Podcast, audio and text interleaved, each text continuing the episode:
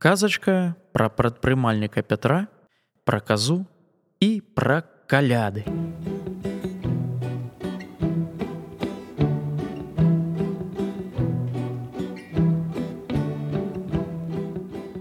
Гэтая казачка пра часы даўнія старадаўнія. Было гэта так даўно, што ніхто не памятае калі. А казачку гэту мне расказала сама каза на мінулыя каляды.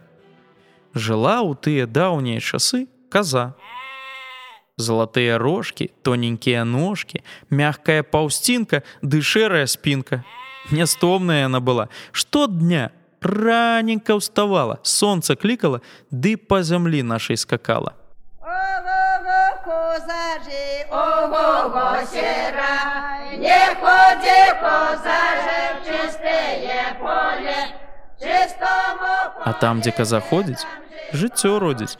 Дзе каза нагой, там бульба капой, дзе каза рогам, там жыта стогам, да чаго каза дакранецца, тое абуджаецца.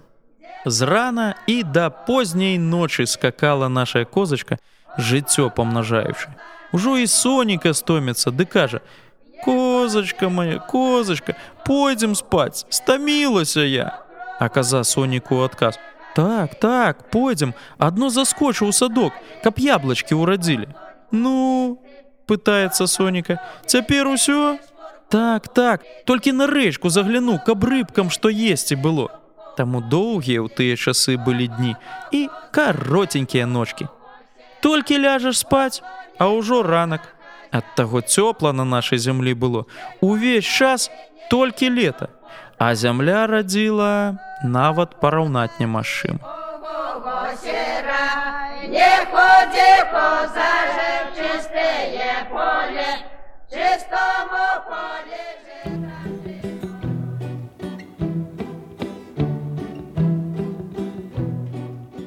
І жыў тыя часы Пятро. Слаўны быў гаспадар. Гандлем займаўся, добра ўмеў гандляваць, бо пераканаць мог любога. Добра ўмеў размаўляць па-беларуску, а да таго ж і на чужых розных мовах спраўна гаварыў. І ўсё ў Пятра было добра.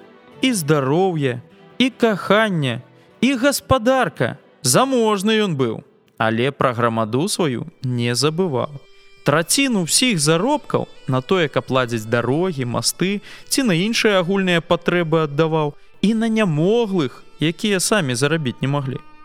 Ведаў ён, што талент у гаворцы яму дадзены, каб людзей радаваць, карысць ім прыносіць, а не каб грошы хаваць ці сябе перад усімі выстаўляць. За гэта не толькі багацця меў гандляр Пятро, але і павагу кожнага. Але была адна бяда ў Пятра, Не было ў іх жонкай дзяцей, а дзяцей Пятро любіў і бедаваў за таго, што іх не мае. І надумаў Пятро да сябе ў хату казу запрасіць, каб яна ў сям'ю дзетак і шчасця прынесла. Сустрэў раз Пятро казу, ды да кажа: « Чуў я, што ты шчасце ў дом прыносіш. Зайдзі, пасядзі ў нас на слоне. Зачакаліся мы з жонкай дзетак малых. А што, кажа каза, Чалавек ты добры, прыстойны, чаму б і не пасядзець, адчыняй хату. Зайшлі яны ў хату, а Пятро казе: « Можа, квасу вып'еш з дарогі.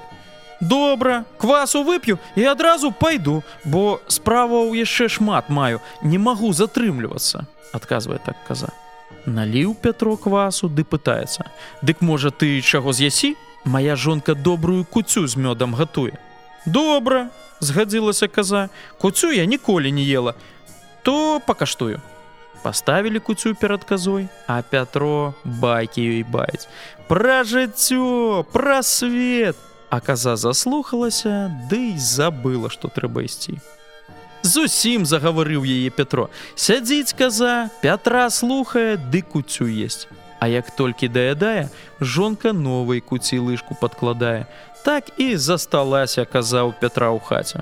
Сонца бачыць, няма казы, ды і пайшло да сябе да хат. Не стала каму сонца падганяць, таму дні сталі каротенькімі, а ножкі доўгімі доўгімі.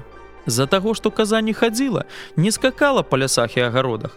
Трава пачала жоўкнуць, лісце ападаць і прыйшла на зямлю восень. А за ёй і зіма. Холодна стала, і замест дажджу пачаў падаць снег. Дзіўна ўсё гэта было людзям бачыць, бо ніколі яшчэ на зямлі не было зімы. Раней толькі лета і было. Пачалі людзі збірацца ды раду радзіць, што ім рабіць далей і як ім казу шукаць, каб яна лета вярнула. Апрануліся яны ў кажухі, ну, каб быць падобнымі на казу. Зрабілі зорку нашу беларускую васьміканцовую заместа сонца і пайшлі па хатах шукаць, дзе каза спынілася. Ну, каб развесяліць, калі яна стамілася, альбо дапамагчы, калі не можа сама ўстаць. З хаты ў хату ходзяць, каляду уводзяць, казу шукаюць, у людзей пытаюць. Да кожнага як зойдуць, людзі дзякуюць, што яны казу шукаюць, падарункі розныя даюць. І прыйшлі калядоўшчыкі да Петра.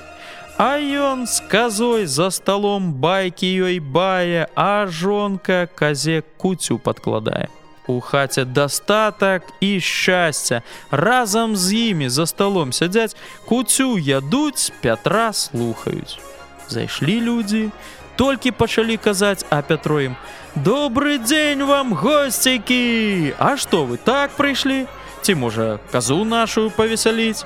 Бачыце, каза стамілася, можа развесяліце як? Давайте песню ў славу казе, разам заспяваем. Го-го-го, каза, го-го-го, шэра! Панеслася па хаце. Бачыць Пятро, спадабалася песня казе. Зараз будзе выходзіць з хаты. Тады Петро кажа: « Дзякуй вам людзей, што прыйшлі да мяне ў хату. Казаў мяне ў гасцях, таму дастатку і шчасця многа маю. То я ім з вами падзялюся. Даставайце свой мех і аддаў Пятро людзям траціну шчасця і добра. Абрадаваліся калядоўшчыкі і пайшлі па хатах, а каза кажа: « Не пашкадаваў ты шчасця для людзей. Добры ты гаспадар, то я яшчэ ў цябе пасяжу. І яшчэ каза засталася, пакуль дзеткі малыя не з'явіліся. А як нарадзіліся ў Пятра з жонкай дзеткі, дзве дочки і два малюпахі сыночки. Развіталася каза з Пятром і пайшла іншым людзям шчасце і дабрабыт несці. Каб каза прыходзіла, ставяць людзі на каляды куцю, бо вельмі каза куцю з мёдам любіць. А як завітае каза да каго ў госці, ды ўбачыць, што не дзеліцца сваім шчасцем гаспадар з людзьмі, пакрыўдаваць і адысці можа, Таму і стараюцца ўсе як могуць дагадзіць казе і калядоўшчыкам, каб шчасце ў іх хаце затрымалася.